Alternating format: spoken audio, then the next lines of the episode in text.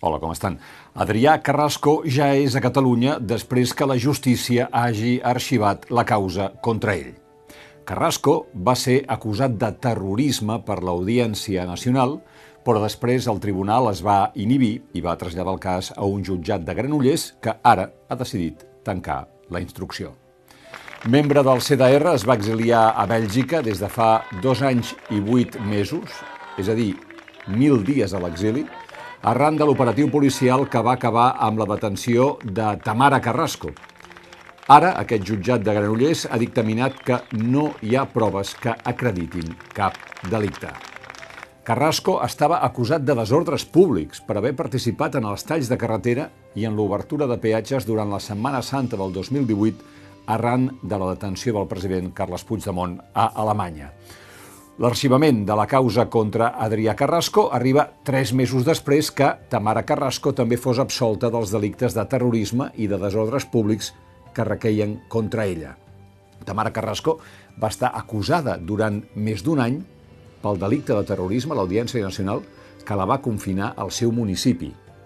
Finalment, el jutge va acabar desestimant els arguments de la Fiscalia i la va considerar innocent, i la jutge va criticar la investigació de la Guàrdia Civil i la postura de la Fiscalia. Va dir que la Guàrdia Civil havia basat tota la seva causa, per un delicte tan greu com el del terrorisme, en un missatge de WhatsApp.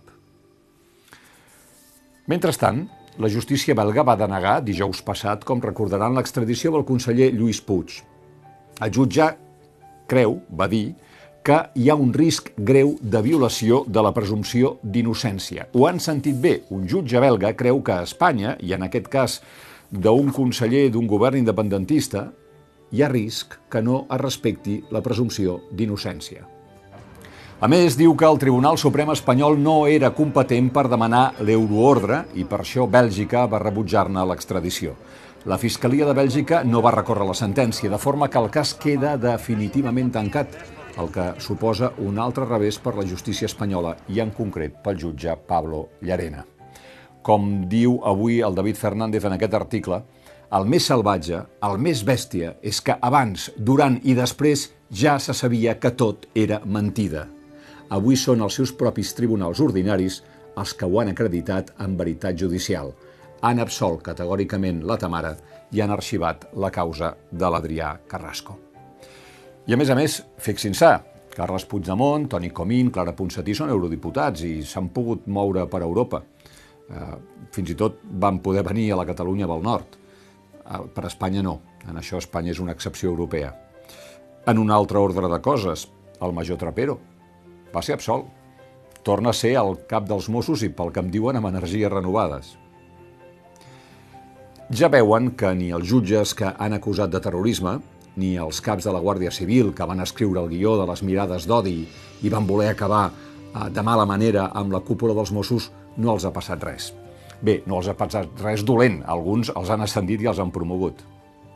Però no per això cal deixar de dir que anar revestit amb la toga i al mateix temps anar cridant a por ellos acaba malament, perquè es veu de tres hores lluny que allò no era ni és justícia.